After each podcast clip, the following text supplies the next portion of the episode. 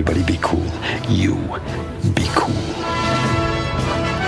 All right, you ready to have sex? You're the good kiss. We come in peace. We come in peace. You are the motherfucking Antichrist. We're gonna let you go, okay? Ok. Film er best på radio. I'm gonna make him an offer he can't refuse. Nova Noir. Alle sammen. Eh, venner og kjente. Eh, klokken er ti. Det er på Radio Nova. Det betyr Nova Noir her på kanalen. Ditt favorittfilmprogram. I hvert fall mitt, eh, Julie Oskar Andersens favorittprogram. Jeg sitter her sammen med Hanne Marie Nord, Bjørn Hei, Kristian hei. Sveen og Ragnhild Bjørlykke, som er vår flotte tekniker i dag. Torsdag. Klokken ti på Radio Nova. Eh, var det kanskje flere enn meg som ble fanget i regnet i morges? Eller på veien hit? Nei, altså Som jeg sa til deg, så ble jeg ikke fanget. Eh, Ja, du ble litt sur uh, at jeg brukte det ordet. Det var ikke meningen å Mer enn litt regn til for å fange en bjørn. Riktig. Uh, Jeg riktig. oppdaget et hull under skoen, da. Det var sånn jeg fikk merke regnet. Ja, for en måte å oppdage, oppdage det på. Uh, men i dagens sending, eh, gjengen, så skal vi anmelde litt film. Vi skal snakke om eh, Hjelperytteren, en ny norsk film som har kommet ut. Og eh, du skal få høre Miriam, Miriam Folland komme og anmelde Dronningen, som er en dansk film som vi har basert eh, temaet vårt litt rundt i dag. Jeg tror ikke egentlig den handler om en dronning. Men enhver unnskyldning til å snakke om eh, monarker på film leter jeg alltid etter. Så det er dagens tema. Vi skal touche litt på Kongens tale eh, og The Crown, og ikke minst The Favourite etter hvert i sendingen i dag. Så mye gøy, med mye å prate om. Men aller først så setter vi i gang med litt sett siden sist. Hva, Hanne, hva har du sett på siden sist? Um, så jeg um, har uh, sett altså, en svensk Viaplay-serie, en Viaplay-originalserie, som uh, heter Heder, og handler om Heder advokatbyrå. Som altså er noen kvinner som uh, representerer kvinner som har blitt utsatt for vold og seksuelle overgrep. Og da, tenkte, da var jeg litt bekymret i starten. Da tenkte jeg OK, dette blir sånn her krampaktig feministisk circle jerk-opplegg. Men det var ikke det. Nei, det var, det var litt sånne kleine dickpic-vitser innimellom. og sånn. Men så når du kom liksom inn i dette på en måte krim-thriller-plottet, så glemmer du litt at det er veldig sånn Sjekk oss, vi er feminister-type serie. Da. Ja, altså, veldig så, det er ikke sånn selvklapp på skulderen om at eh, vi tar opp viktige temaer, og her er en dame. Uhu. Men Nei. eh, det er bedre enn som så. Ja, eller Ja, det er jo noen øyeblikk som er litt sånn derre Eh, eh, og se på oss, vi sitter her, eh, fire middelaldrende kvinner på en kafé og har sexkjøpersafari og sitter og la, ser på menn og tenker sånn Å, hva type sex kjøper han? Og så er det litt sånn Og så snakker de sykt høyt, sånn at alle rundt de på kafeen åpenbart kan høre det. Og så er det litt sånn mm. Men det var i første episode, og så gikk det seg liksom til etter hvert. Ok, men så da, Nå hørtes det plutselig For jeg skulle ut og si at uh, det høres jo ut som det kanskje er veldig tungt. Ja, men fordi det som de Viaplay sjøl kaller denne serien her, uh, menn som hater kvinner med en touch av sex and the city. Ja, det føltes litt sånn ut ifra uh, hvordan du beskrev det. Ja, for det er liksom veldig tung tematikk. Det er skikkelig kjipt. Det er liksom drap og greier i første episode, og så, er det, og så har de en mørk hemmelighet, disse kvinnene, som de må skjule. Men så er det liksom litt sånn De har en dickpic-vegg på kontoret, for de får så mye dickpics, sant? fordi de er profilerte kvinner og sånn. Så er det liksom litt lol. At de bare 'Å, nå enda et bilde i samlingen', he-he-he. Så er det litt sånn OK. Ja. Men eh, det funket overraskende bra, faktisk. Ja, En positiv overraskelse av Heder heder på Viaplay. Ja. Gøy med originale Viaplay-serier, da. Ja, jo, og det var jo Det er hun Sofia Helin som spiller Saga Norén i Broen, som har kommet opp med ideen, da. Så det er jo kanskje et trekkplaster for noen. Ja, Kanskje noe å titte på. Eh, Bjørn, har du sett noe siden sist? Eh, jeg har sett to ting. Eh, det, blir, det er nesten relatert til temaet i dag, fordi det blir veldig eh, Veldig imperialistisk eh, på sett og vis. Fordi jeg begynte å se på Tom Clancys Jack Ryan på Amazon eh, Prime. Med John Krasinski. med John Krasinski. Og, eh, og det er Jeg, jeg syns det er veldig underholdende. Jeg vet ikke Jeg skal ikke anbefale eller ikke anbefale det akkurat nå. Men så var det Satt jeg litt for lenge og så på det, og så klikka jeg meg ut, og så plutselig så dukka det opp en film som het Last Flag Flying. Og for de som ikke vet det, så Jack Ryan det er sånn eh, militær, eh, Homeland-aktig CIA-spionasjeting. Eh, og så dukka det opp en film som het Last Flag Flying, og så så jeg at eh, det var eh, at eh, Bryan Cranston, Lawrence Fishburne og Steve Carell spilte de tre hovedrollene. Det hørtes ut som en god trio. Shit. Ja. Noe å se på. eh, så skulle jeg bare kikke litt på det før jeg la meg, og ble da sittende og se tre fjerdedeler ferdig. Eh, som var litt problematisk, siden jeg skulle på jobb dagen etterpå. Men, eh, men det var så sjarm! Det var kjempebra. Det er tidvis kanskje litt overspilt. Det handler da om eh, eh, Carol sin eh, karakter Doc, som uh, oppsøker uh, Fishburne og Cranston, uh, som er to eks-militær-buddies fra Vietnamkrigen. Og så går veldig mye av filmen på diskusjon om krig og rett og hva ære og er det verdt det, og hva vil det si å være soldat. Og jeg syns det var ganske fint behandla på, på flere måter. Hva het den, sa du, til slutt? Last Flag Flying. Last Flag Flying. Kult. Kult. Hva med deg, Julie? Har du sett noe siden sist? Eh, sagaen fortsetter. Eh, se på på Doctor Who. Jævlig mye å ta igjen. Velkommen etter. Ja, jeg vet. Eh, men eh, hør mer om det på, fra podkasten fra forrige uke. Så jeg tror kanskje vi bare lar det ligge, og så skal du heller få høre Caper Parade gi deg RSVP. Novas eh, A-listesang Caper Parade med RSVP fikk du der. Sliter du med å bestemme deg? Nova Noir hjelper deg å ta de viktige valgene. Skrekk eller komedie? Drama eller thriller? Splatter eller humor? Kostymedrama? Eller sci-fi? Vi guider deg gjennom et hav av beslutninger. Nova Noir presenterer ukens anbefaling. Tid for eh, ukens anbefaling. Litt annen type anbefaling enn det vi har pleid. Vi har pleid å anbefale serier og filmer, men i dag tenkte jeg å benytte anledningen til, Til å snakke litt mer om David Tennant. Var det vi det? kommer til det. Busted. Uh, vi kommer til det. Uh, til å anbefale ting som vi, vi er jo filmelskere og filmvitere, uh, og anbefale noe annet enn film, da, men nemlig podkaster som filmelskere liker. Som vi liker, som vi tror at dere også liker. I tillegg til eh, Nova Noir, da, klippet eh, etter sending, som du alltid kan finne oss på iTunes og Spotify. Men eh, Hanne, har du noen filmpodkaster du vil anbefale våre lyttere? Hører du ikke på um, podkast? Eller noe annet. Må ikke være en podkast, kan være noe annet. Åh, nei, nå um... Ok, Vi tar Bjørn først, Ja, da. Så Ja. vi få Bjørn. slippe. Jeg tenkte jeg skulle nevne Happy Sad Confused. Og det er jo eh, Hollywood eh, eh, egentlig, fordi eh, det, det er jo stort sett skuespillere, regissører, folk som jobber med film på en eller annen måte, som snakker med hvert Josh Horowitz, som jobber for eh, MTV. Og det er veldig sånn bransjevennlig, så eh, du får ikke den derre eh, dype innsikten nødvendigvis i personene som er eh, i studio, som du får i WTF eller eh, lignende podkaster. Men, eh, men du får et virkelig innblikk i, eh, i, i forskjellige skuespillere sin, sin approach til å jobbe med film, syn deres på forskjellige filmer.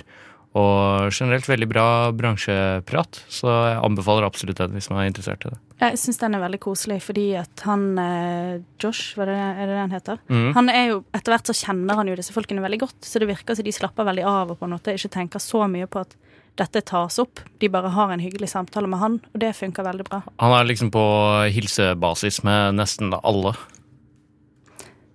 Hadde du, har du kommet på noe eh, Um, ja, altså det er jo, Mange har jo helt garantert fått det med seg, men det beste jeg har hørt på den fronten i det siste, er den Tsjernobyl-podkasten. Som snakker om eh, Det er manusforfatteren og eh, en annen filmfyr som Jeg husker ikke hva han heter. Han pleier å ha noen andre sånne filmrelaterte podkaster, tror jeg. Em, og serie. Og de snakker episode for episode hva som faktisk er sant, hva som er diktet opp for Tsjernobyl-serien. Snakker om slags valg han tok, og sånn, og det er veldig veldig spennende. Og det er også sånn, Hvis ikke man har sett Tsjernobyl ennå, så går det an å se én episode, så høre en episode av podkasten. Fordi at den spoiler ingenting, på en måte. Så et herlig tilskudd, da. Eh, Det er litt kult at du Mm. kan se det sammen med eh, samtidig med podkasten. Jeg liker den eh, approachen der, fordi jeg savner veldig den tida der du hadde commentary tracket på DVD-er oh, som ja, du Det var gøy. Det er veldig morsomt. Det, det er stas. Jeg, har ikke, jeg prøvde å se Chernobyl. Eh, Jeg kom gjennom episode én, og så ble jeg så trist. eh, Så jeg klarte ikke Jeg syntes det var så vondt å se på. Så jeg klarte ikke å se mer. Kanskje jeg bare skal høre podkasten istedenfor. Ja, det, det går, da får du lære mye, men du mister jo kanskje noe siden de også snakker om Ja, dette, sånn gjorde vi det i serien, men sånn skjedde det på ekte. Ja, men da trenger jeg ikke å se serien. Det. og så kan jeg likevel være med på samtalen når folk snakker om sånn hånda jeg har fått, det var kult, eller et eller annet. Jeg vet ikke. Det fant jeg på. Men, men ja. Eh, I mitt tilfelle, du eh, outa meg jo. men eh, David Tennant har også en eh, podkast som heter David Tennant Does a Podcast With, hvor han intervjuer flere av eh, sine skuespillervenner og talenter, men også noen han ikke kjenner eh, så godt. Men av den første kategorien, eh, annet Olivia Colman, som vi skal snakke litt mer om eh, i The Favourite senere i sendingen i dag, eh, å høre på de to sitte og prate, og det er også, som du sa, Bjørn at det er en veldig, veldig sånn Du kan kjenne på stemningen, da, at den er så trygg og god, og det er så mye tillit. Eh, og det er ikke et intervju eller en intervju som skal være ute og liksom, ta deg og stille deg de harde, vanskelige spørsmålene, men heller opptatt med å skape trygghet eh, dem imellom. Og hun har med hunden sin, og det er kjempekoselig. Så det er mange andre kule personer. Eh, Catherine Tate, Ian McKellen blant annet, Michael Sheen. Veldig mange kule personer, så jeg anbefaler dere å høre på Chernobyl-podkasten. Happy Sad Confused og David Tennant Does a Podcast With. Etter du har hørt eh, Nova Noirs eh, egen podkast. Så klart. Nå kommer Ali X med Sanctuary, og så er vi klare for eh, dagens første filmanmeldelse. Ali X's eh, Sanctuary fikk du der. Vi er Nova Noir, ditt eh, fristed i en regntung hverdag.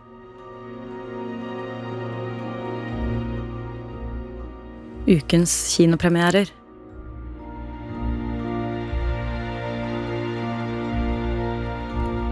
Da, kjære lytter, er det tid for ukas første kinopremiere. Miriam Folland er i studio, og du har sett noe på kino, Miriam. Ja, jeg har sett Dronningen, som er uh, intet annet enn en svimlende fortelling om lyst og makt. Hvem er du? Det vet du godt. Jeg er så heldig. Ja, jeg vet det. Takk.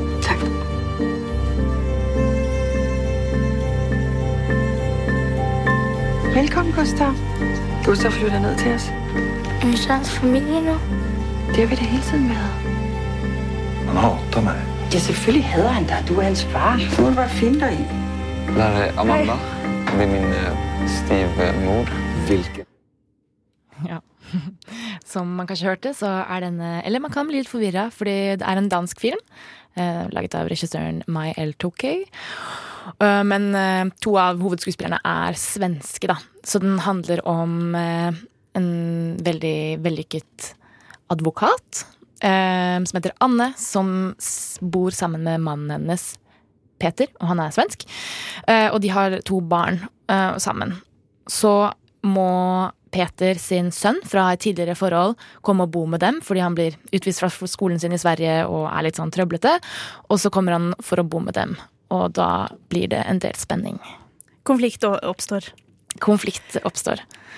Um, ja, man vet jo på en måte hele tiden hva som kommer til å skje. Det er, det er veldig åpenbart at det, eller det er ikke noe man legger skjul på. At uh, handlingen i filmen er en, at det er et forhold mellom da Anne og stesønnen Gustav.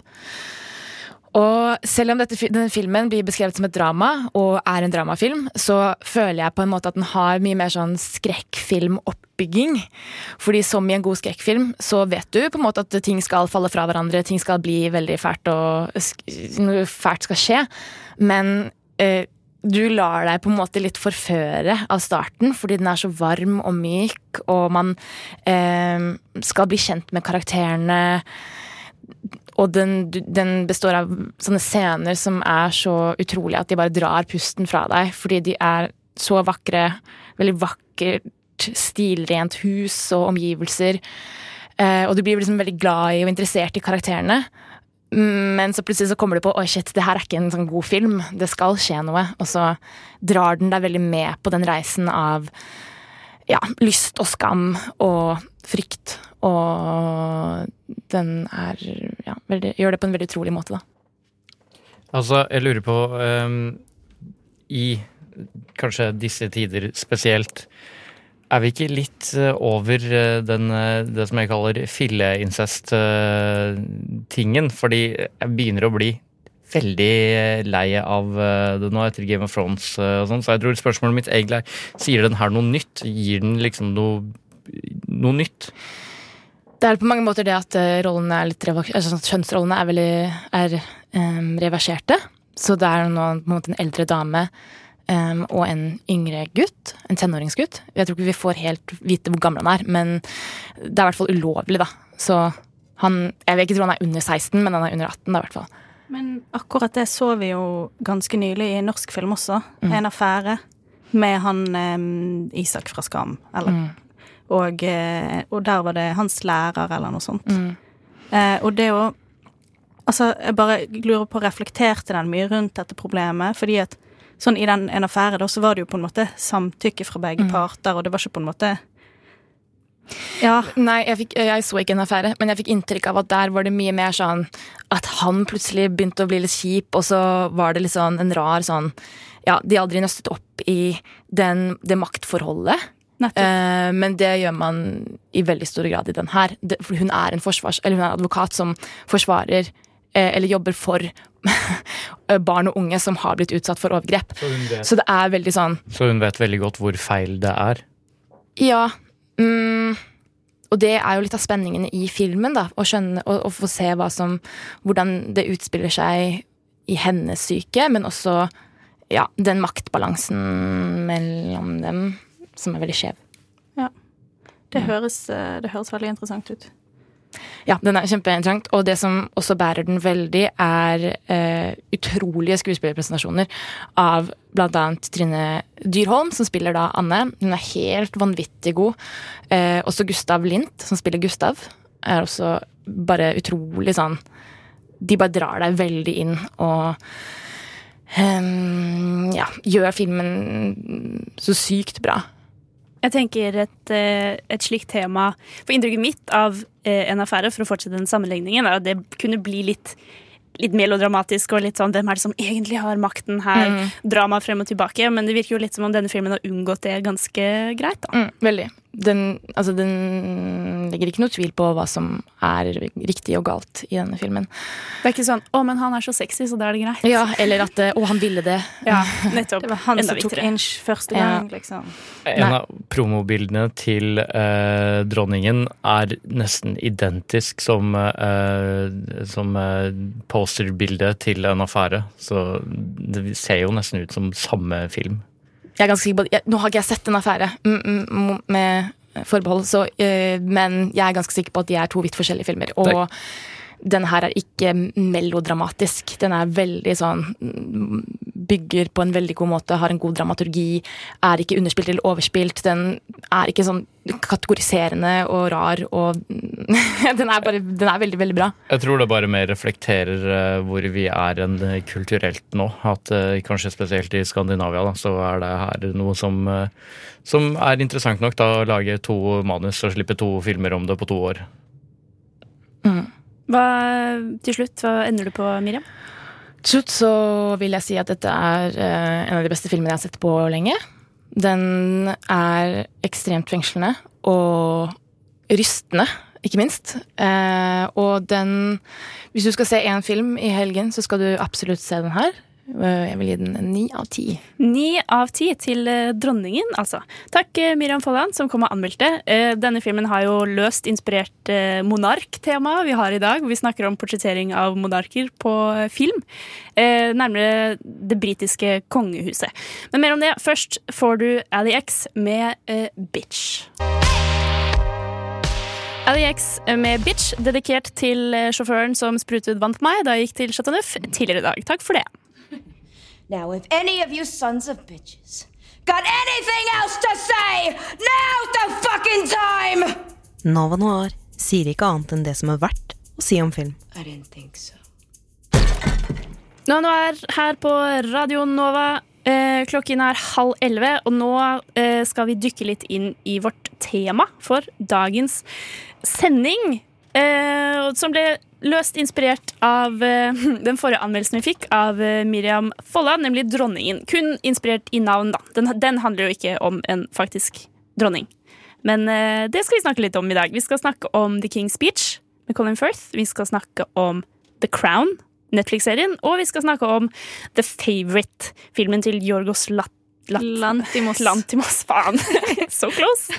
Lantimos, eh, som eh, gjorde det ganske bra. Eh, The King's Speech òg. Eller vi kan jo se en rød tråd om at eh, ting som Eller eh, hva skal jeg si? Eh, filmserie, ting som portretterer det britiske kongehuset, har en tendens til å gjøre det ganske bra på prise, prissiden. Jeg tror bare de er jeg tror at det er en sånn kvalitetssikring for at de skal få lov, så må det gjøres ordentlig, fordi at de vil ikke ha en dårlig fremstilling av sine aller helligste monarker.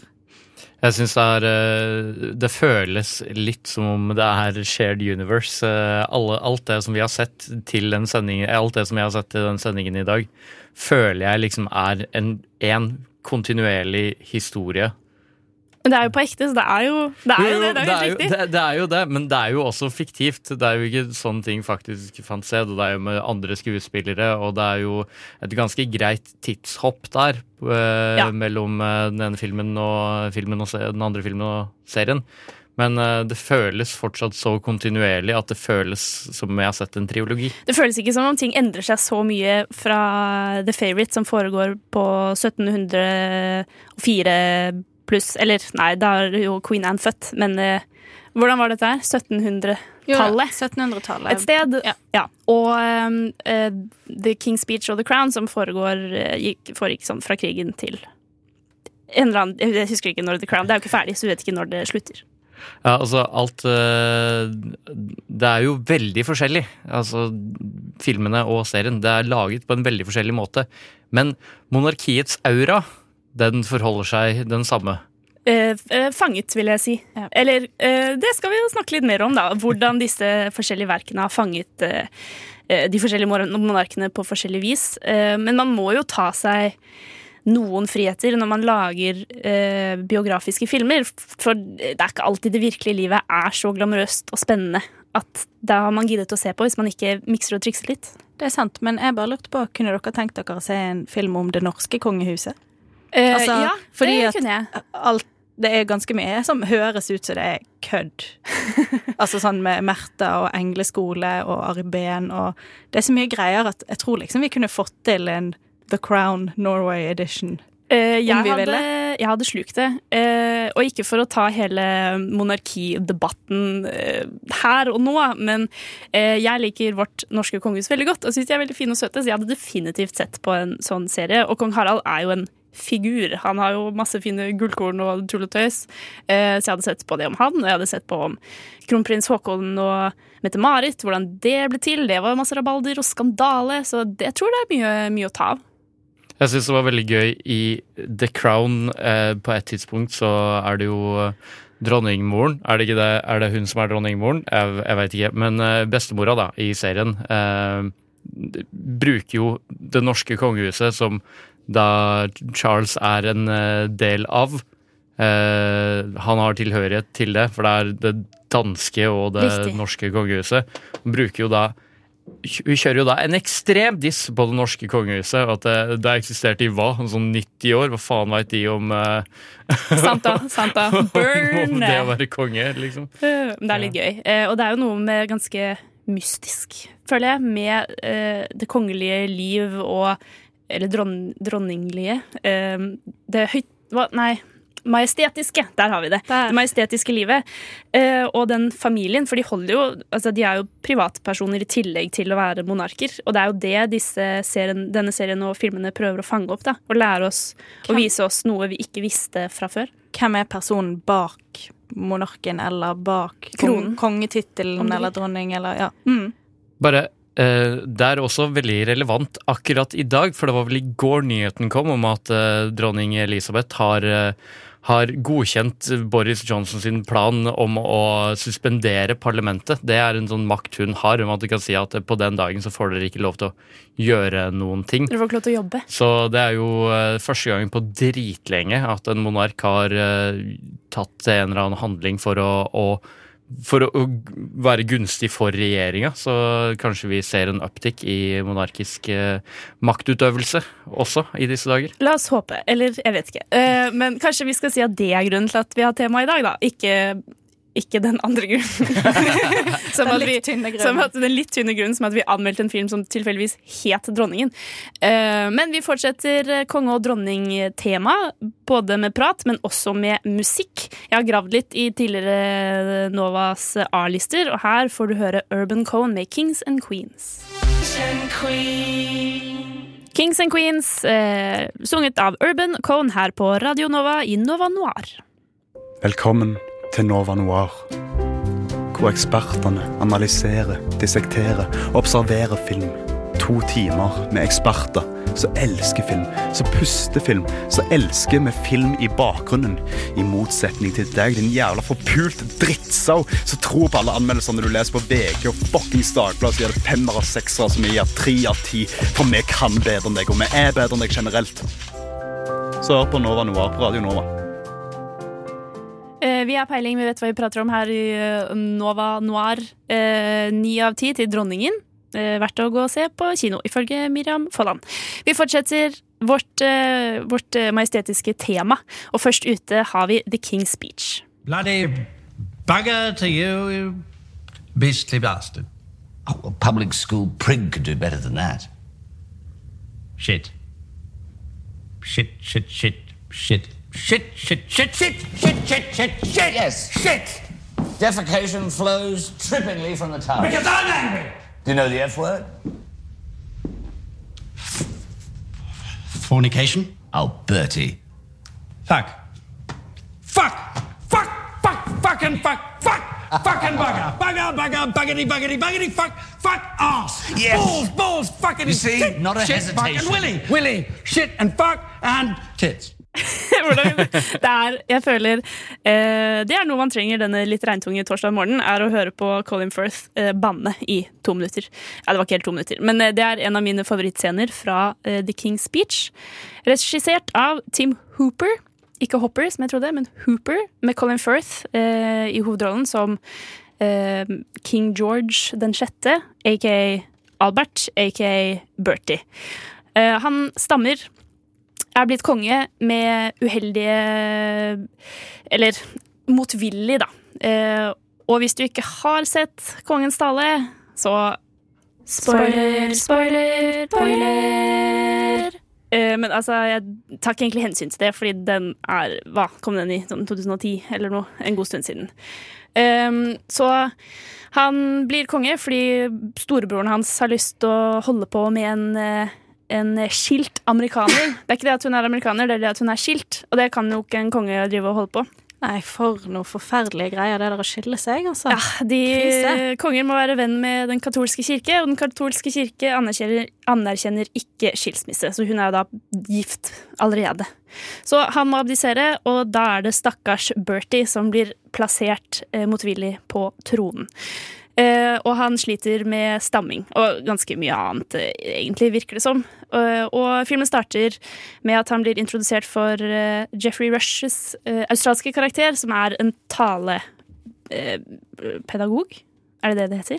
på godt logoped? Ja, men han er ja. Han er ikke Ja, logoped, Han er, han er- en speech therapist. eh, Men, eh, En glorifisert logoped. Riktig. riktig. Og ut ifra det vokser et eh, strålende vennskap. Kan jeg bare eh, jeg, Er det den katolske kirke som eh, han prøver å forholde seg til? Er det ikke The Church of England som Jo da, jo da, det er jo det, da. Ja. det, er bra du, det er bra du har uh, faktaene på plass, Bjørn. Um, den eh, filmen her fikk eh, 95 noe prosent på Rotten Tomatoes, blant annet, og har 8 av 10 på IMDb, så den er jo ganske høyt elsket av publikum. Derav meg også. Jeg, dette er en av mine favorittfilmer, tror jeg. Jeg syns den er så koselig å se på, hvordan de to blir venner. Jeg skjønner eh, at den har så høy score veldig godt, fordi jeg husket det som en veldig bra film, men eh, da jeg så den opp igjen, så ble jeg sjokkert over hvor mye bedre den faktisk var enn det jeg husket, eh, til og med. Er, eh, den er overraskende morsom og innsiktsfull på samme tid.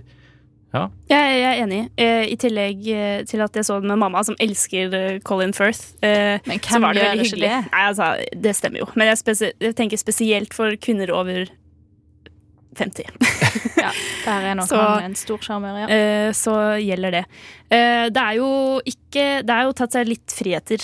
Eh, jeg leste bitte litt om det, og det er jo en film, men eh, historiedelen har blitt eh, kritisert litt. Men jeg tenker det er det sikkert ikke så mange som har eh, brydd seg om mens de har sett på denne filmen her. For den er så koselig. Den er bare skikkelig koselig, og du heier så fryktelig på at Bertie skal bli mer komfortabel med seg selv, og han må jo holde denne krigstalen på radio, og det er flere taler han må holde, og du får så utrolig vondt av å se på at han står der og sliter og stammer. Men ehm, vet du noe om, om denne bannegreien er ekte? Var, var det det. noe han Fordi at jeg har lest eh, Det kommer vi tilbake til når vi skal snakke om The Crown, for der er jo også samme kongekarakteren med. Riktig. Men uh, Og der også er han jo glad i litt uh, skittent språk og uh, uttrykk. Så jeg bare syns det er fascinerende. Liksom, ok, hvor, hvor, Hvis ikke det er sant, hvor oppsto dette ryktet? Og hvis det er sant, veldig gøy. Veldig gøy. Jeg håper virkelig det er sant. Jeg tror, eh, ut fra det jeg leste og det jeg forsto, eh, og ettersom jeg ikke har møtt eh, King George, eh, eller ikke Bertie selv, eh, at de gjorde ham litt mer stiv og undertrykt enn det han kanskje egentlig var, og at eh, i filmen så tar det jo litt tid før disse to faktisk blir gode venner og klarer å være likeverdige. Eh, og at Bertie har noen han kan prate med, da. Det er jo ganske viktig, og jeg tror det er ganske ensomt på toppen der. Og at det er det filmen bruker tid på å portrettere. Eh, men at det gikk litt fortere i virkeligheten enn det gjorde i filmen, tror jeg. At det ikke var så mye gnistinger og konflikt mellom dem i starten. Nei, sånt må jo skrus opp litt. Både hvor Sikkert hvor mye han stammet, og hvor mye problemer han hadde med ulike ting. Det skrus jo som oftest til. Ja, det, er jo eh, der, eh, det er jo der hjertet blør mest. Ja, men det er også der mye av humoren kommer. Og det er jo det Ja, som, som du sa, Bjørn, den er overraskende morsom. Og nå er det lenge siden jeg har sett den, men sånn, med en gang man ser noen klipp, så er det sånn Å ja, det var, det var så gøy. Eh, mer om det om litt. Vi skal fortsette å snakke om eh, en av mine favorittfilmer, The King Speech, mens vi fortsetter vårt monarktema her i Nova Noir. Men først det, før det så skal du få Spang Sisters med King Prawn the First. Faglige toner fra Spang Sisters med King Prawn the First het den sangen du hørte nå nettopp. Vi fortsetter eh, å prate litt om eh, kongens tale, aka The King's Speech.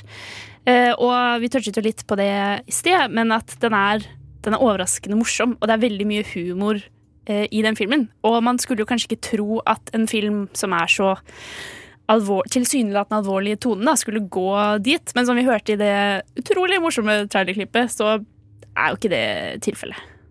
Hva tenker, hva tenker dere om eh, det komiske i Kongens tale? Jeg føler jo også at mye av humoren stammer fra at det er nettopp Colin Firth. Fordi at du ser at det er Colin Firth. Han, Colin Firth er Colin Firth, bare med kostyme og litt eh, ekstra aksent, på en måte.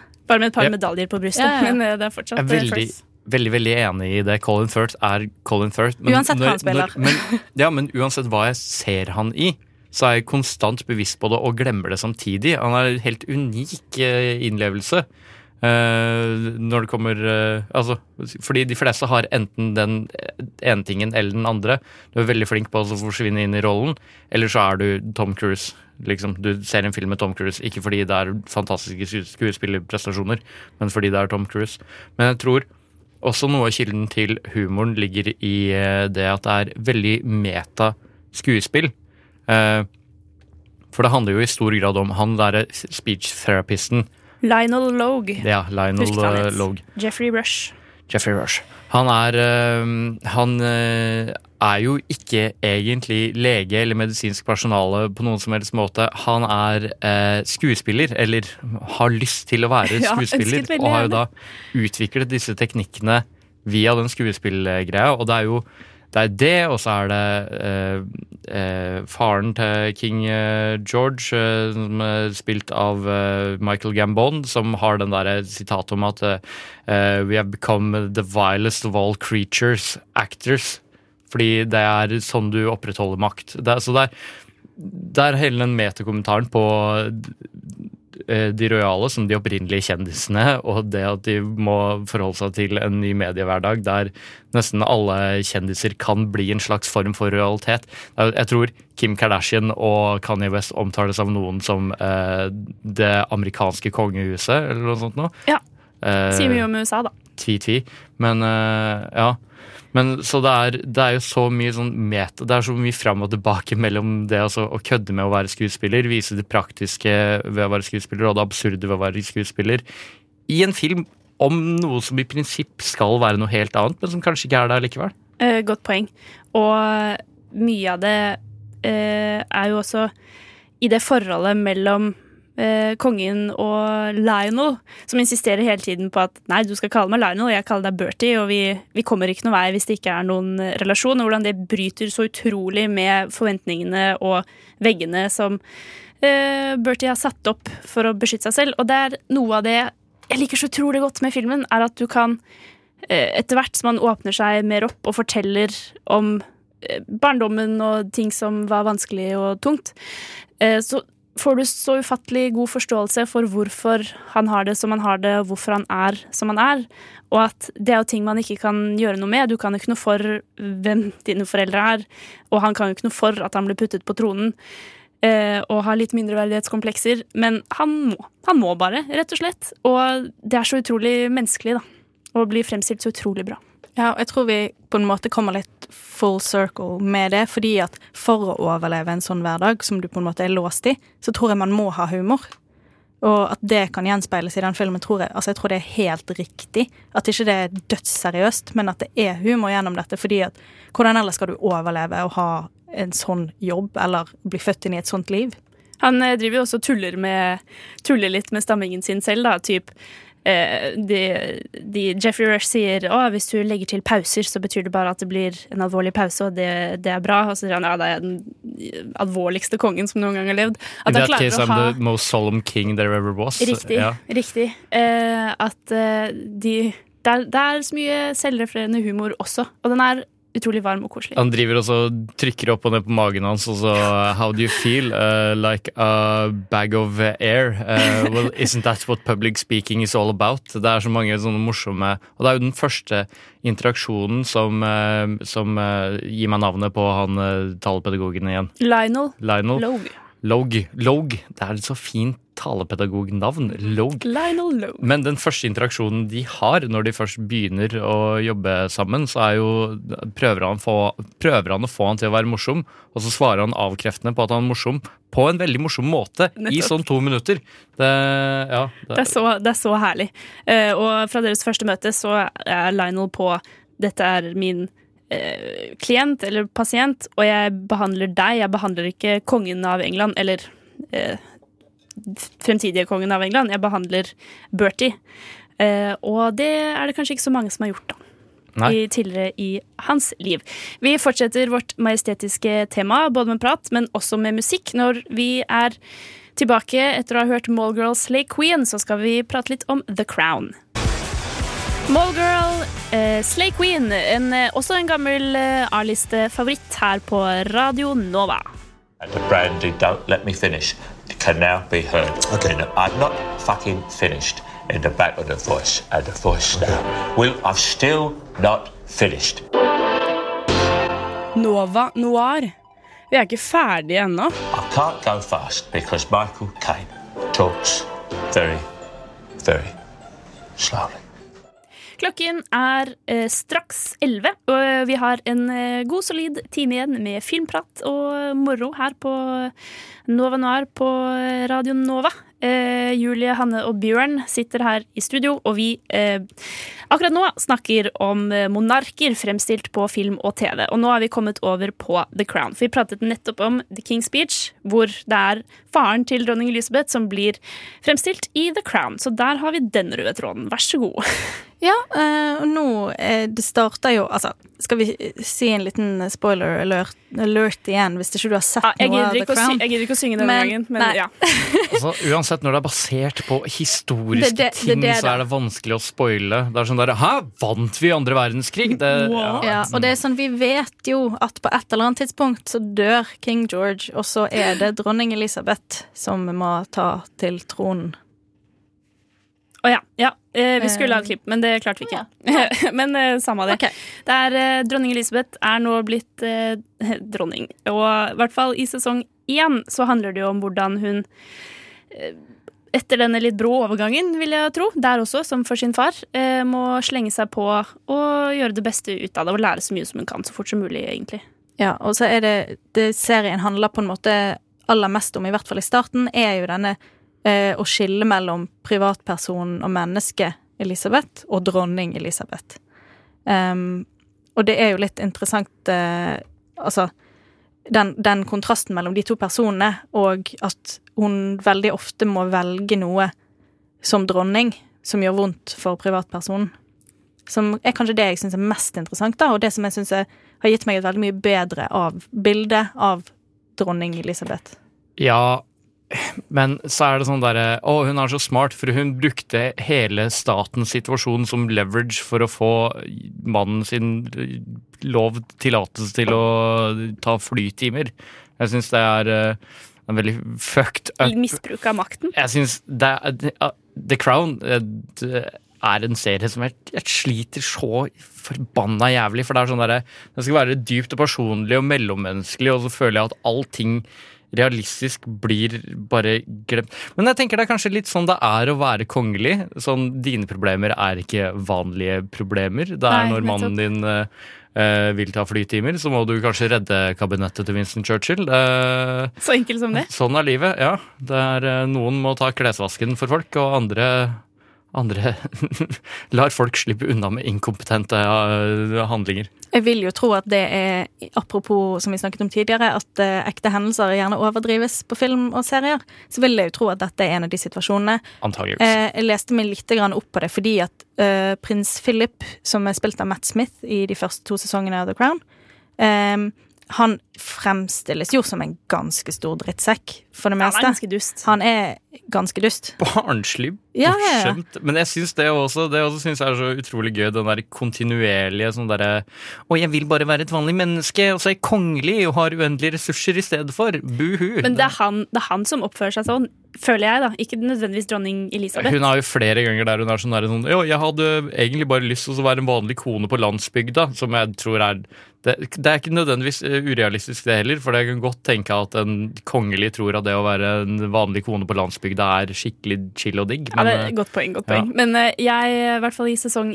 én, så uh, føler jeg at det, Eller det gjør det i sesong to også, men det ligger mye drama mye konflikt i ekteskapet til dronning Elisabeth og eh, Philip. Eh, og spesielt i sesong én så handler det mye om at han må finne seg til rette og være under sin kone. Fordi hun er kronen, hun er England, hun er dronningen, først og fremst. Kone etterpå. At han ikke helt klarer å innfinne seg med det. Som at han ikke vil knele. Sånne ting. Eh, og jeg er sånn du vet, du visste jo hvem du giftet deg med. Hvorfor, hvorfor er dette så overraskende, overraskende nå? Det, å, jeg syns det var så frustrerende å se på. Akkurat det, det har jeg faktisk også lest, at akkurat knelingen var ikke en reell ekte Ok, det var jeg ting. Eh, eh, men at han sliter med maskuliniteten sin, fordi at på denne tiden, når menn fortsatt skal være familiens overhode, og kjønnsrollene er ganske typiske, og særlig i, eh, hos så velstående og kongelige og i de adelen, på en måte, så vil, skjønner jeg jo at han sliter, men samtidig er han jo litt unødvendig douchebag. Jeg syns det er en veldig absurd take på så mye rart, fordi på et tidspunkt så framholder det han det som at eh, ja, det har vært sånn før at, eh, at uh, queen consort må knele for dronningen, men i disse moderne timer, tider så Skal vi finne på hva vi vil? Ja. Vi Lag dine egne regler. da blir det helt I disse moderne tider så blir det helt urealistisk at en mann skal knele for sin kone, som er veldig bakvendt eh, historisk. Eh, ja. Det er, eh, ja. Veldig spennende Jeg synes det er veldig spennende tematikk å se på nå, da. I, når kom det første sesong av The Crown ut? Noen år siden? Ja, i hvert fall.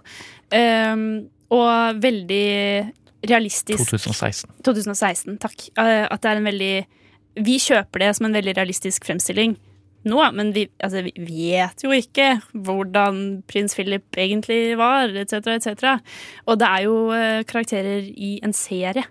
Men jeg lurer på om dronning Elisabeth har sett på The Crown. Jeg vet, jeg vet at hun for jeg fant på internett, at hun så The King's Speech og digga den og syntes den var dritbra, så jeg lurer litt på hva hun hadde syntes om serien om seg selv, da, ikke om faren sin nødvendigvis. Det hadde vært utrolig gøy å sitte i en sofa med eh, dronning Elisabeth, eller Gary, som er kallenavnet hennes innad i familien, og, eh, og bare liksom Å ja, jeg husker det der. Nei, det var ikke sånn, det var sånn det egentlig skjedde. Det hadde vært Ja. veldig uh, givende. Ah, den kjolen var faktisk blå, ikke rosa. Jeg håper, Hva er det der eh, programmet med folk som sitter og ser på TV? Sofa eller noe sånt? Kunne ikke vi fått det med dronningen som ser på eh, filmer og ting om seg sjøl? Ja, det hadde vært eh, deilig. Vi skal prate litt mer om eh, dronning Elisabeth og The Crown her på eh, Radio Nova i Nova Noir. Først så skal du få høre Fucked Up, Queen of Hearts. Fucked Up ga deg Queen of Hearts her på eh, Radio Nova. Vi i Nova Noir har kongetema, eller monarktema, for nå er vi jo strengt tatt på dronning Elisabeth i The Crown. Vi har pratet eh, litt om eh, Netflix-seriens eh, portrettering av eh, dronning Elisabeth, og nå skal vi prate enda mer. Though it would help if we could decide here and now on your name. My name? Yes, ma'am. Your regnal name. Uh, that is the name you'll take as queen. Your father took George. Obviously, his name is. was Albert. What's wrong with my name? Nothing. Well, then, let's not overcomplicate matters unnecessarily. My name is Elizabeth. And long live Queen Elizabeth. Ja, det er så sårbart. Og, eller, ja, jeg kan Det bare er så føle forbanna dumt. Jeg håper virkelig at det ikke var eh, sånn det foregikk. Fordi eh, når jeg satt og så, så på det der, så måtte jeg liksom bare sånn, ta en mental pause fra alt og allting. For det er sånn herre Du er oppvokst på Buckingham Palace med kjempemye konge- og dronninghistorie og alt mulig rart. Men akkurat den tingen du ikke har eh, fått med deg, er at du må ta nytt navn når du blir monark. Som Ah, okay, alle da. monarker noensinne omtrent eh, har gjort. Altså, What's wrong with my name? Det, Ok, da, ok, da, Jo, jo, men- men det jeg høres burde vært litt bedre forberedt. som om ah. Jo, men jeg, jeg har, det leste jeg også litt om, at for, det er jo en scene før eh, kongen, altså faren hennes, dør, hvor hun blir liksom kalt inn på kontoret og får en sånn opplæring i en monarks arbeidsoppgaver. Og, da, og det er liksom når hun er altså et år før hun blir dronning, eller noe sånt. Og det er jo litt sånn piss at å ja, det var nå først hun fikk den opplæringen. Du visste at du var arving. For det- ja. er, sant? Det har lagt i kortene at en eller annen dag så skal hun ta over. Så ja, det er litt sånn tullete. Men, men det er jo sikkert også litt for seerens benefit, da, fordi at ikke nødvendigvis vi vet disse tingene. Det gjør hun jo også til en litt mer eller en karakter lettere å sympatisere med når vi går gjennom den prosessen sammen med uh, Elisabeth. Og det er jo et annet poeng i The Crown med utdannelsen hennes, at hun føler seg litt, uh, litt snytt, rett og slett, fordi alle de andre har en normal utdannelse, og uh, hennes utdannelse har fokusert mest på etikette og ikke nødvendigvis politiske aspekter ved denne jobben, da. Så hun føler seg litt uh, ute på dypt vann når alle disse statsoverhodene begynner å prate om ting som hun ikke eh, egentlig har fått med seg fordi hun ikke hadde, fikk den historietimen, og at hun blir litt usikker. Bjørn, du ser veldig oppgitt ut. Ja, nei, jeg, bare- jeg hører det, og så driver Utdyp Bjørn. Nå i, i hodet mitt så prøver jeg mentalt også å, å ta en liten snurr og så prøve å si noe positivt uh, om det her. Det. Liker du det ikke, liker du det ikke. eh, men jeg, jeg har noe positivt å si om det. Det er veldig gode eh, skuespillerprestasjoner eh, over stort sett hele matta. Det er veldig pent, høres veldig fint ut, men det er den der Skal være så forbanna på og jordnært, samtidig som det er det hele en sekvens med at uh, idet hun blir krona, så tar hun del i eh, den guddommelige verden og blir en uh, gudinne. Og så der er jeg kan, Noen ganger så blir hun omtalt som et geni, og stort sett så oppfører hun seg som en som ei dum lita dame. Og det er føler at du først av alt har et problem med monarkiet. Virker det sånn? Nei, jeg har ikke Bare egentlig det. Jeg har eh, jeg, Det er den serien her, og den derre altså, Det bare fokuserer på feil aspekter ved det for mine interesser, antar jeg. Men jeg syns monarkiet er veldig interessant, og jeg er ikke nødvendigvis for eller imot, eh, egentlig. Ingen tvil om at den har satt eh, sterke følelser i sving, da, i hvert fall. Men eh, hvilke aspekter skulle du gjerne sett da istedenfor, føler du? Hvis du kunne bare eh, omdirigere hele The Crown og handle Nei. om Eh, Jeg tror det kanskje hadde blitt litt mer om eh, tjenerstaben og sånne folk. De, altså, det hadde ikke fokusert på de kongelige, det hadde bare fokusert på de som jobber med de kongelige. og hvordan, sånn som En av de tingene som jeg likte veldig godt, kom jeg på nå, det var den derre når, eh, når Margaret skal ringe Elisabeth, og hvor mange folk Ja. som blir satt i spill for at eh, hun skal være sånn derre Jeg lurte på om du hadde fri, så vi kunne spise middag eh, en dag. Så er det sånn 40 personer som må, eh, som må på arbeid for at det skal skje. Det syns jeg var veldig kult. eh, Så litt mer eh, Downton Abbey er kanskje din eh, Så det er bare ikke, din Jeg syns ikke det er en sånn forsvarlig portrettering av makt i praksis. Nei, jeg vet ikke. Jeg, jeg trodde jo ikke at jeg egentlig skulle like The Crown så veldig godt. Eh, Men jeg ble jo veldig sugd inn i det og engasjert, og syns jo eksempel det som er litt mer på det du etterlyser, da, er jo eksempel eh, prinsesse Margaret sine affærer. Eh, Og der er det jo også på en måte en i ikke, ikke tjener, men ansatte, da, som på en måte får svi veldig for for På grunn av hvor strenge reglene er i kongehuset. Mm. Eh, Dronninghuset.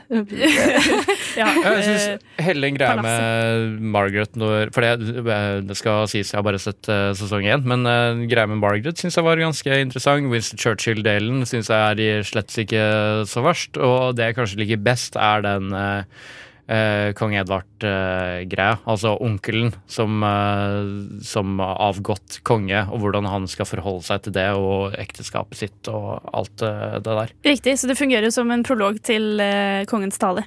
Ja. Eh, så du får liksom se eh, fortsettelsen til eh, kong Edvard. Mm. Det er litt gøy. Eller ikke kong Edvard, for han er jo ikke kong lenger. Men eh, bortsett fra det. Eh, The Crown, altså. Det er jo eh, dronning Elisabeth. Den andre. Den andre. Det er bra du passer på. Uh, jeg har ikke alle monarkene i England på plass, men uh, sesong tre kommer. Vi gleder oss vel. Spørs om Bjørn kommer til å se det. Men jeg tror The Crown overrasket mange. At det kom litt sånn Oi, det, bardust på. Sånn, dette likte jeg bedre enn jeg trodde. Uh, sesong tre det blir et tidshopp, og nå er det altså Olivia Colman som spiller dronningen. Men hun har jo spilt en dronning før. Eh, nemlig Queen Anne i The Favourite, som du skal få høre bitte litt mer om. Aller først skal du få Lazy Queen med Apocalyptic. Lazy Queen, Apocalyptic. Eh, her på Radio Nova hørte du nettopp. Og vi er over på en annen eh, dronning. Vi har nettopp snakket om dronning Elisabeth den andre, fikk jeg påpekt. Nå er det altså tid for eh, Queen Anne i The Favourite. The Queen is an extraordinary person. They were all staring, weren't they? I can tell even if I can't see, and I heard the word fat, fat, and ugly. No one but me would dare, and I did not. As it turns out, I am capable of much unpleasantness. Did you just look at me? Look at me! How dare you! Close your eyes! Not just stand by and let you destroy me. you are enjoying all of this, aren't you? oh, it is fun to be queen sometimes. Dette er altså, Kan du si navnet på regissøren en gang til? Hanne? Jorgos Lantimos. Lantimos' eh, film, eh, The Favourite, eh, med Olivia Colman i hovedrollen som Queen Anne, Rachel Weisz og Emma Stone, Emma Stone som eh, biroller. Så eh, om du ikke er så interessert i monarker og dronninger, se dem pga. på grunn av de tre skuespillerinnene alene. Og fordi den er, si. den er en utypisk film om monarker. Veldig. Jeg vil si denne skiller seg ganske ut uh, på listen vår. For den uh, Det er jo en ekte dronning, og det er litt basert på brev de sendte til hverandre med tanke, løs tanke på handling og plott. Men eh, Jorgos er jo en ganske spesiell regissør. da. Han setter sitt preg på det meste, og ikke minst også på The Favourite. Uh, den er eh, noe annerledes. Den tar også opp det, dette med at monarken trenger å bli sett for den den er, eh, og trenger noen å stole på, men den leker litt mer med den balansen. For Rachel Weisz er, er eh, elskeren og bestevennen og eh, det meste, egentlig, for dronningen. Og ja, ops, ops, har du ikke sett The Favourite? Spoiler, spoiler. Så gå og se den, og så kom tilbake, så kan vi prate. Men eh, i hvert fall Rachel Wise og Queen Anne er BFFs slash elskere. Og, FFs. og eh, hold på, så kommer kusinen til Rachel Wise eh, til hoffet i søk om arbeid og prøver å liksom egle seg innpå og ta plassen litt. Så det blir en, det blir en rivalisering En dem kamp imellom. om å bli dronningens favoritt. Enkelt og greit. Der, du klarte det mye bedre enn meg. Oppsummere det med en sending. Jeg tror grunnen til at eh, jeg ble så glad i The Favourite, er at den er, som vi nevnte, litt utypisk. Og er ikke redd for å være sær, da, rett og slett. Og det var også litt uventet kanskje for mange, de som ikke har noe kjennskap til Jorgos før. Han har jo laget The Lobster, blant annet, og Killing of a Sacred Deer. Så jeg visste hva jeg gikk til. Men jeg kan se for meg at de som ikke gjorde det, kanskje ble noe overrasket. Skal sies at uh, Jorgos han har vært, definitivt vært instrumental i, uh, i eh, utviklingen av den filmen her. Men det er en film som har vært under produksjon i 20 år. Før den, uh, det ble, manuset ble først skrevet ferdig i 1998. Eh, og de fikk jo ikke han på laget før enn i sånn 2014 eller eh, et eller annet sånt. Og da var det egentlig den første engelskspråklige filmen som man skulle lage. Og så fikk de sånn eh, noenlunde casting, noenlunde med finanser, og så fant de ut at eh, altså fant Jorgos var vel den som egentlig fant ut at eh, hvis vi venter litt, så tror jeg at vi kan få en bedre versjon av den filmen her. Vi kan få vår versjon av den filmen her. Så da, etter å ha venta allerede i sånn 15 år, så venta de litt til. Jorgos slapp tre filmer, tror jeg eh, på engelsk eh, i eh, mellomtiden, og så, og så ble det den her eh, til slutt nå, at den kom ut nå Eh, i år. Alt godt er verdt å vente på, sier man jo. Mm. Ja, Eh, og- definitivt verdt det i dette tilfellet. Ja, og det er jo altså det, han, Som sagt, han har et så utrolig særpreg som Og det er jo det som gjør denne filmen her. For jeg kan ikke se for meg at dette hadde vært på langt nær like gøy hvis det var en annen regissør, fordi at det er en egen spillestil, det er en egen humor, og den humoren i denne filmen her er så mørk og blir bare sykere, og jeg elsker det.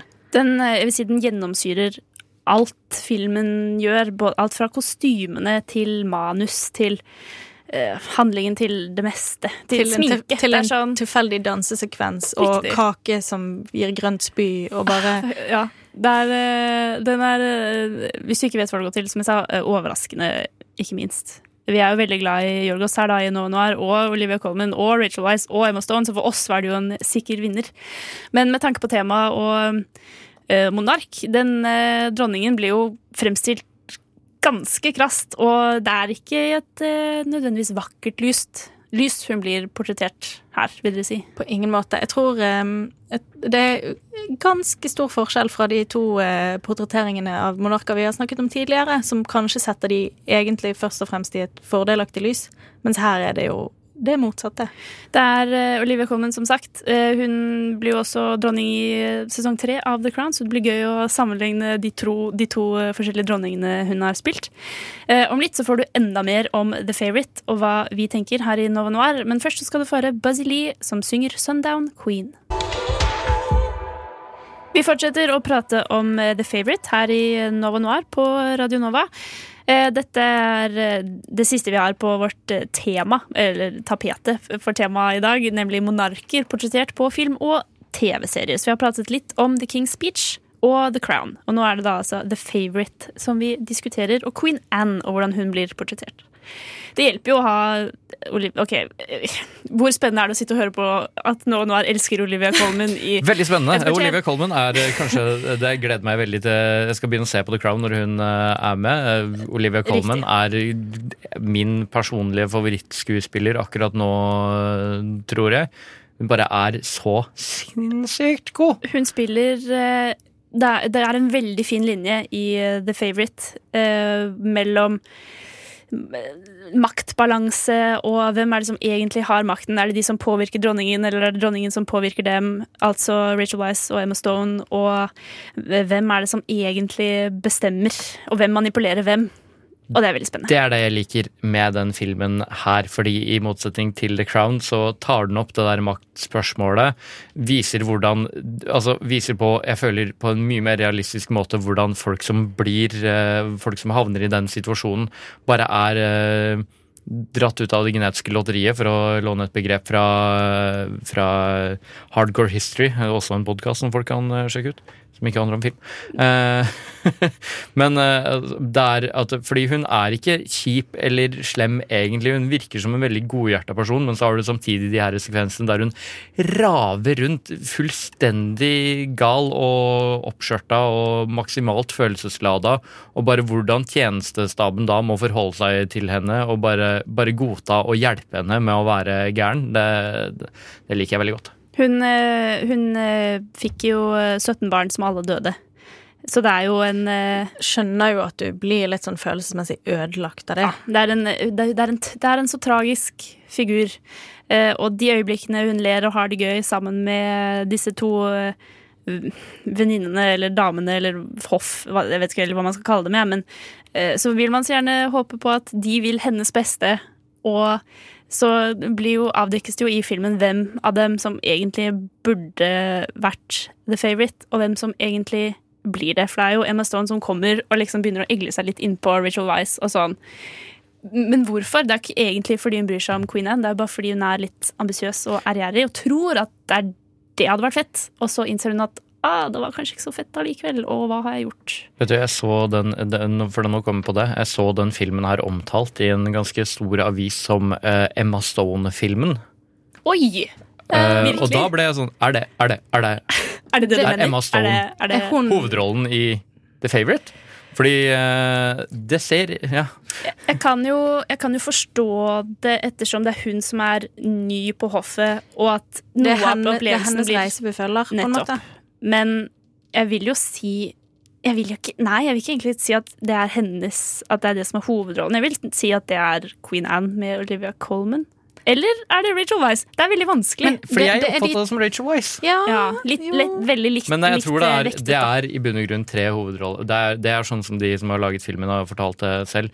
Også det at de, de kutta ut veldig mye av manuset for, fordi de tok den beslutningen om at de alltid ville ha en av de tre kvinnene i bildet under hele filmen, som uh, er veldig kult. Fett. Men kan vi snakke litt om Nicholas Holt også?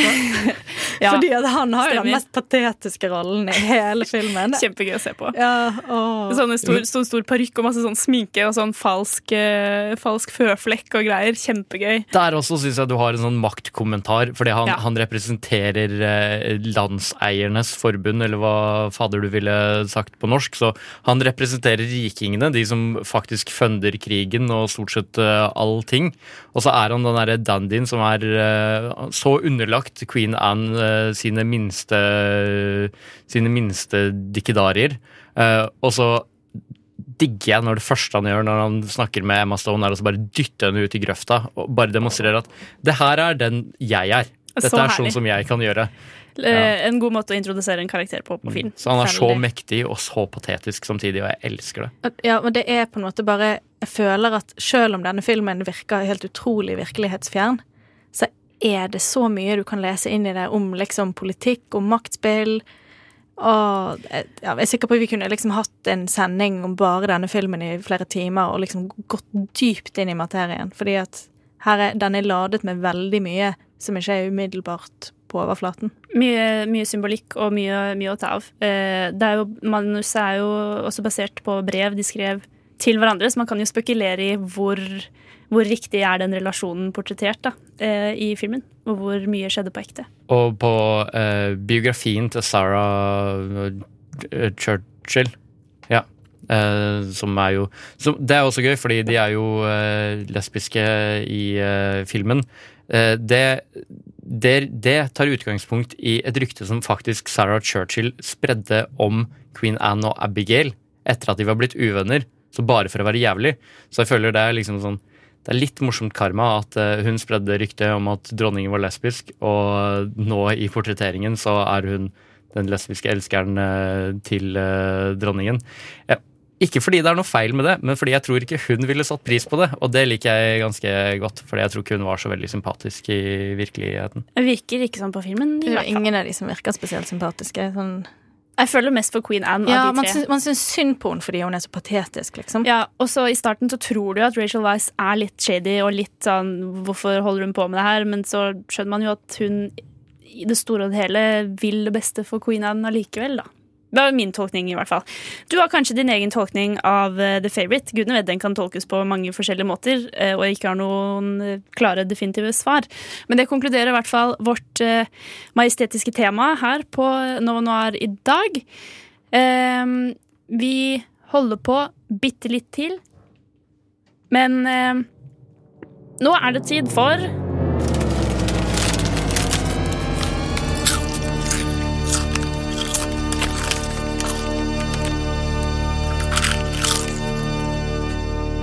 Ukas kinopremierer. Nummer to. Så eh, vi skal nå anmelde Hjelperytteren. Og Hjelperytteren er en norsk film som handler om Kim Carlsen, som er en toppidrettsutøver som nå er blitt tatt for doping og står midt oppi en skandale. Doping er en del av virkeligheten på det øverste nivået. Sånn har det alltid vært. Jeg har prøvd å ringe deg 100 ganger. Du svarer jo aldri. Du er radioaktiv. Jeg kan jo ikke assosieres med det. Jeg har den lappen som du ga meg med adressen til Tintin. Og hvis jeg ikke er med på det, da? Da vil fuglen synge. Folk ser på meg på en annen måte nå. Vær så snill, vær så bare? Hvem er det som svikter? Det er, det er alle, det. Altså, det er kickoffen med alpintgutta, det er næringslivskonferansen. Cheating is totally unacceptable at our school and will suspend Line from the softball team and the tournament next month. Hæ? Hva har det med saken å gjøre? English, please. Fuck you and your stupid school. Fuck you and your stupid school fra Hjelperytteren. Altså en ny norsk film som nå kommer på kino. Um, det er, som jeg sa, en, eh, en eh, syklist. Det er liksom sporten hennes. da. Hun er toppidrettsutøver. Kim Carlsen har eh, tilsynelatende det perfekte liv med mann og barn og hus oppe i Holmenkollåsen og er sjef for landslaget i sykling, men har nå blitt tatt for doping. Og filmen starter med at hun drar på en pressekonferanse og leser opp et brev om hvor lei seg hun er, og hvor mye hun angrer, og hvor, mye, hvor dumt det var å dope seg, da, og jukse. Men så får du følelsen av at filmen prøver å skape et litt mer nyansert eh, forhold til eh, doping enn det media kanskje vil, da. Er det en kamuflert Therese Johaug-historie? Eh, jeg føler som er kanskje litt tungt inspirert. Eh, var det noen klare paralleller der, vil jeg si. Eh, nå vet jeg ikke hvor mye om Therese Johaugs personlige holdninger til doping og ikke, men i filmen så kommer det jo frem at ganske tidlig, for så vidt, at eh, Kim ikke føler at ikke føler så tungt på det, egentlig, og mer sånn ah, nå er det ferdig, nå kommer vi oss videre. Ja ja, alle doper seg jo. Hvorfor er det så spesielt at jeg, akkurat jeg ble tatt og gjorde det? Viser seg at det var litt større, litt eh, større deal enn det hun trodde, da. Og hvordan dette snur livet hennes eh, på hodet. Det er Siri Salomonsen Silje. Silje. Fuck! Silje. Silje Salomonsen i uh, hovedrollen. Uh, jeg hadde ikke sett henne noe særlig før, men uh... Nei, hun er jo en av mine favoritter av norske skuespillere som også er minst brukt. Hun har vel, jeg har bare sett hun spille i sin manns filmer, Arild Østin Ommundsen. Sine filmer Eventyrland, Mongoland, Now It's Dark eh, videre. Eh, og liksom i de her veldig sånn Stavanger-filmene, da. Så jeg har veldig lyst til å se den bare for å se hun i noe annet. Men det, det syns jeg er en god idé, for her så syns jeg hun er eh, veldig flink. Og for meg, da, så hjelper det å ha en, eh, noe annet enn eh, østlandsdialekt. I hvert fall hos en hovedrolle i en norsk film, for da føler jeg ofte at det kan bli veldig At replikkene kan føles veldig unaturlige. Men det syns jeg denne filmen eh, klarte å unngå. Både fordi hun er veldig flink, men også kanskje fordi eh, hun er vestlending, syns jeg. ja. Bitt, bitt. Fair, fair enough. Uh, og det handler om sykling, en sport jeg ikke har så mye relasjon til. Uh, men jeg følte at uh, den klarte å fremstille det på en interessant nok måte. For det handler ikke egentlig om sykling og sport, men heller eh, Siljes reaksjon på denne situasjonen hun er blitt puttet i, og hvordan hun føler at det er litt urettferdig behandlet. Jeg vil også nevne at det er en det er en ganske Den er litt småabsurd. Men jeg trodde den skulle være veldig annerledes. Den er satt i 2012, men det føles som den er fra 70-tallet. Det er mye gult og brunt og rødt og i fargepalettet, og det var, det var ganske morsomt å se. Og den har en ganske særeget eh, estetisk preg som jeg ikke helt forventet, som jeg alltid setter pris på. Eh, regissert av Jannike Systad Jacobsen. Eh, vil si at hun har gjort en, eh, en god jobb.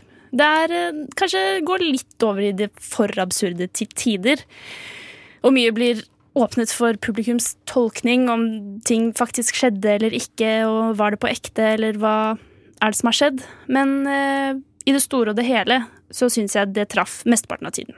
Så alt i alt vil jeg gi Hjelperytteren eh, syv av ti. Definitivt en film du kan gå og se på kino. Kult, det skal jeg gjøre. Gjør det. Eh, Du fikk det her fra Nova Noir. Vi fortsetter. Eh, Nå kommer Sam Woods med Over and Over, så skal vi ha en lite pile of shame. Sam Woods ga deg Over and Over. Det er enda en A-liste-hit her fra Radio Nova. Vi er snart ved veis ende, men ikke helt ennå. Eh, Hanne og jeg har tatt litt grep, fordi nå er august snart over. Det er 29. august i dag. Kanskje du skjønner hvor jeg skal, men vi hadde i hvert fall ikke sett eh, Oslo 31. august. Så vi skammes litt. Ja, det er egentlig helt enig. Det minner meg egentlig om Goodfalles. Å ja, den har jeg ikke sett, faktisk. Å, du har ikke sett Goodfalles om uh, Gudfaren, da? Nei, nei jeg tror ikke det. Du har ikke sett Gud... Uh, hva med Fight Club, da? Nei. Å, å, gud Vi har en jobb å gjøre. Pile of shame. Pile of shame.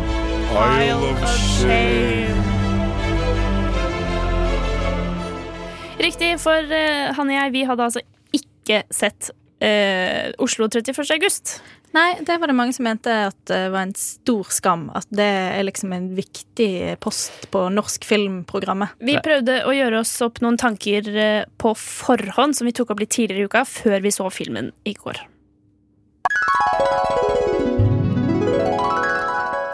Eh, ja, Hanne. Eh, du, verken du eller jeg, vi har ikke sett Oslo 31. august.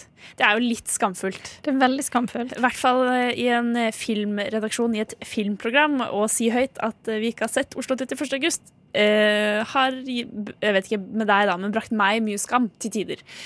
Så endelig har vi gjort noe med det. Men først, hva tror du Oslo 31. august handler om? Sånn det er inntrykket ditt av den filmen? At Anders Danielsen Lie går rundt og har det litt kjipt. Ja, ja jeg tror. Altså, det er det inntrykket jeg også har. Tror du den er bra, da? Siden alle driver og raver sånn når de snakker om Oslo 31. august. Jeg liker jo han veldig godt. Så sjansene er jo store for at det i hvert fall er noe bra der. Ja. Eh, jeg, jeg er ikke så stor på norsk film generelt. Eh, for jeg syns ofte det kan høres litt sånn merkelig og litt sånn rart ut. Så jeg lurer på om jeg føler at dette gjelder i dette tilfellet. Så det kommer jeg til å lure på, eller følge med på. Og om kanskje filmen Jeg syns filmen er litt kjedelig. For jeg tror den er veldig Inntrykket mitt, da, uten å ha sett den, er at den er veldig pen og vakker og fin å se på. Men at Som ikke Rett- Nettopp. Og det kan jeg for så vidt stelle meg bak. Men uh, er det noe handling? Er den spennende? Og er den, er den kjedelig, da? Det er også noe jeg egentlig lurer litt på. Ja, det blir spennende. Eller ikke. Eller ikke. Vi får, eh, vi får bare se den, da, og så gjøre oss opp en mening. mening. Filmen er nå sett. Eh, Meninger er eh, gjort opp, for du hadde sett den fra før, Bjørn. Ja, og som jeg eh, forsøksvis prøvde å si eh, før vi fikk høre dette fantastiske klippet, så eh, det har jo vært en flaggskipfilm for eh, noir. Så det er litt spesielt eh, å ikke ha sett den. Det er Ja, litt som ikke vite hvem. Keanu Reeves eh, er. Uh, ja, jeg vil, jeg vil påstå det, men nå har vi jo gjort noe med det, da. Vi tok grep. Vi uh, Hva er det, Bjørn? Jeg vil bare også nevne at uh, det er Joakim Trier som har regissert den filmen her, som har regissert min favorittfilm Reprise. Så er Som jeg heller ikke har sett. Litt, jeg heller. nei, men den- er det veldig få som har sett. Jeg- jeg- Det irriterer meg litt, merker jeg, at han er først og fremst kjent for Oslo 31. august, som er en veldig god etterløper til eh, reprise, men at ikke flere snakker om eh, reprise. Jeg trodde veldig lenge at jeg hadde sett Oslo 31. august. Men jeg tenkte på Hawaii, Oslo, ikke Oslo 31. august. Det er litt forskjell. Så eh, hver Men, gang eh, noen har liksom nevnt og sånn, så er jeg bare ja ja. Og den ambulansen da, og greiene. Og folk bare sånn Nei, det er ikke riktig! så nå er jeg glad jeg har tatt Ja. grep og gjort noe med dette. Fordi at jeg tror at vi har litt annerledes oppfatning av den. Fordi at jeg likte den veldig, veldig godt. Mens du Det virket som du hadde rett i din tanke om at du kom til å kjede deg litt. Ja, litt. Yes, altså, men jeg har tenkt litt på det, da. Eh, det har marinert i hjernen min over natta, og jeg har tenkt mye på det fordi filmen starter med For det er Anders Danielsen Lie som heter Anders i filmen, øh, og han er på en institusjon, og du skjønner at han sliter, og at han har vært narkoman. Eh, så det, og han skal på et jobbintervju, og det starter med mye håp da, for Anders og for hans fremtid og syke og det meste. Men utover filmen så eh, går ikke ting helt som det skal, og gjennom samtalen han har med folk han kjenner, og han drar på en fest, så jeg i hvert fall fikk mindre og mindre sympati for ham etter hvert, og likte ham mindre og mindre. Men jeg føler at det, nå som jeg har tenkt, gjenspeiler litt Anders oppfatning av seg selv, for at han er håpefull, eller han, han tør så vidt å, og kanskje håpe på at uh, det er en lysere fremtid i møte, men så eh, driter han seg litt ut, og så kjøper han litt dop, og så drakk han den ølen, og så ble han drita, og så sa han noe dumt, og så går det bare nedover, rett og slett. Og at det også At min Ikke avsky, det er litt sterkt ord, men at min eh, disinteresse og min At jeg ikke liker ham så godt, reflekterer hans syn på seg selv gjennom filmen. Tror jeg, da. Det er min, mitt eh, hot, hot take. Hanne, hva Fordi tenker du? Jeg, jeg bare syns synd på han, jeg. Fordi at det er ikke sånn at jeg misliker han fordi at jeg på en måte jeg skjønner at det er vanskelig for han, og med de samtalene han har med sine venner, som liksom prøver å kontre med litt sånn eksempel med eh, karakteren til Hans Olav Brenner, som heter Thomas i filmen, eller noe sånt, så begynner liksom han etter hvert å fortelle om at ja, men jeg har det jo ikke så jævla kult det heller, da. Vi har en kid, ja, og vi har ikke sex lenger, og Så jeg vet ikke, jeg hadde, jeg hadde sympati for han hele veien. Greit nok, han var ikke nødvendigvis en veldig topphyggelig fyr, og han gjør mye sånn, han ødelegger for seg sjøl på det jobbintervjuet, for eksempel. Han, det er jo ikke sikkert at det gikk så jævla ræva som han trodde på et tidspunkt, hvis han bare hadde fortsatt praten og ikke bare gått sin vei. Så jeg skjønner at du på en måte kan tenke sånn, men samtidig så tenkte jeg sånn, ok, men det er jo bare fordi at han er så langt nede i dritten og har mistet all tro og håp for seg sjøl, at han ser mer negative ting i situasjonene enn det som egentlig kanskje er der. Eh, Vi skal høre et eh, om Du skal få høre eh, et lite klipp om et par strakser om hvordan han ja, har et ganske deterministisk syn på seg selv og sitt eget liv. Se på livet mitt, da. Jeg er 34 år. Jeg har ingenting. Jeg orker bare ikke å begynne helt på nytt igjen. Jesus. Han prøver å fortelle deg noe personlig, liksom. Og så svarer han med litteraturvitenskap. Du har familie som backer deg opp, du har eh, venner. Du er en smart fyr. Kom igjen, liksom. Det kommer til å bli bedre. Alt kommer til å ordne seg.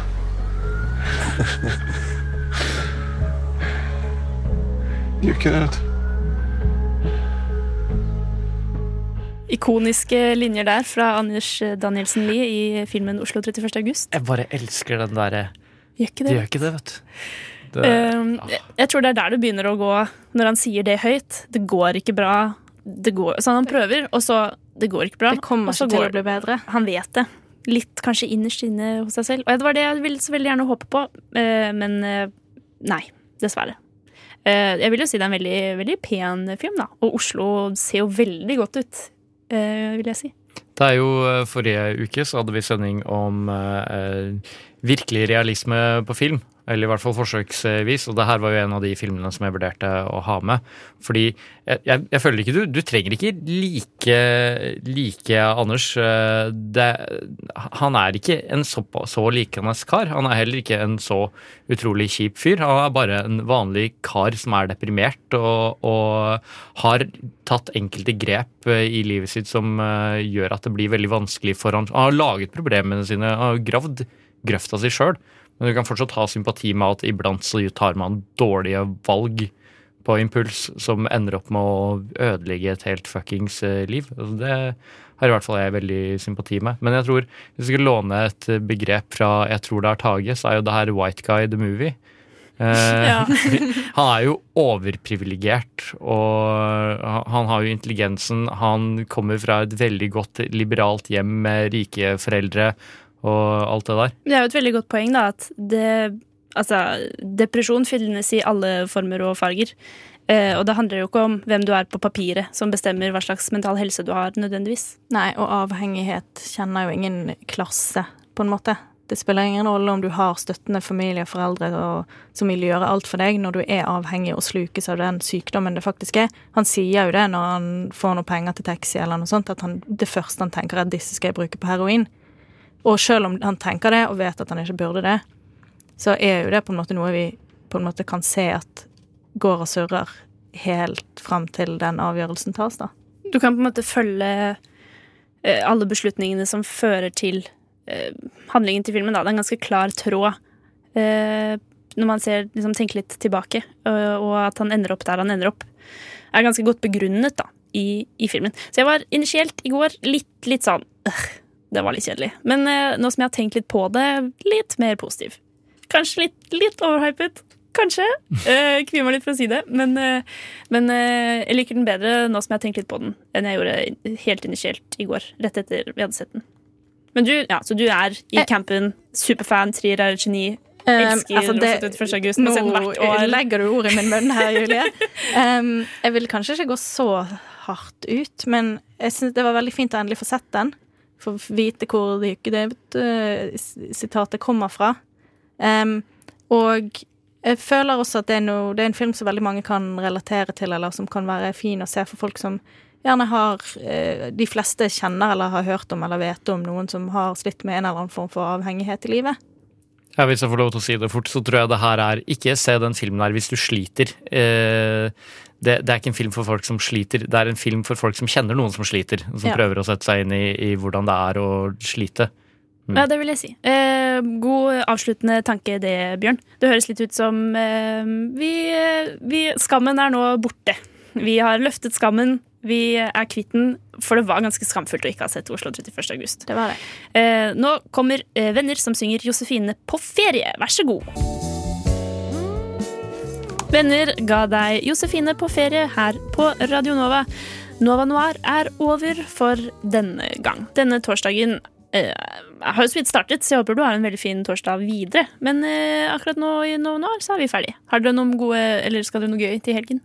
Hanne og Bjørn? Eh, vi skal jo faktisk eh, eh, kle oss ut som norsk film, vi. Vi skal det. Vi skal det. Vi skal det. Eh, dere eh, vil ikke si hva det er, har kanskje ikke bestemt dere, men jeg skal i hvert fall gå som eh, Brødrene Dal, Bror Roms. Gleder meg veldig. Kan putte et bilde på Instagram. Det blir, det blir veldig festlig. Følg oss på eh, Instagram, da. Det, vi er nå, nå er 99,3. Nei. Ja, vi er der. Eh, finn oss. Finn oss også på Facebook. Bare Eh, søk på Novo Noir på Instagram, så finner du det. vi dukker opp. Det er, eh, dagens sending blir klippet og laget som podkast, så du kan finne oss på iTunes. Vi er eh, for det meste overalt. Og i dag så har vi jo hatt to anmeldelser, nemlig den danske filmen 'Dronningen', som Miriam Folland ga ni av ti. Jeg ga 'Hjelperytteren' syv av ti. Eh, hvis ikke så, eller, ellers så har vi snakket om Monarker på film, Hanne Marie Nord, Bjørn Christian Sveen, takk for følget. Jeg heter eh, Julie Oskar Andersen. Ragnhild Bjørlykke passet på teknikken i dag. Jeg er redd jeg kanskje gjorde det litt vanskelig til tider, men vi kom oss i mål til slutt. Eh, jeg håper for din del at det har sluttet å regne. Eh, nå skal du få høre Juno med They See You her på Radio Nova, og så høres vi neste uke, torsdag klokken ti. Ha det bra. Ha det!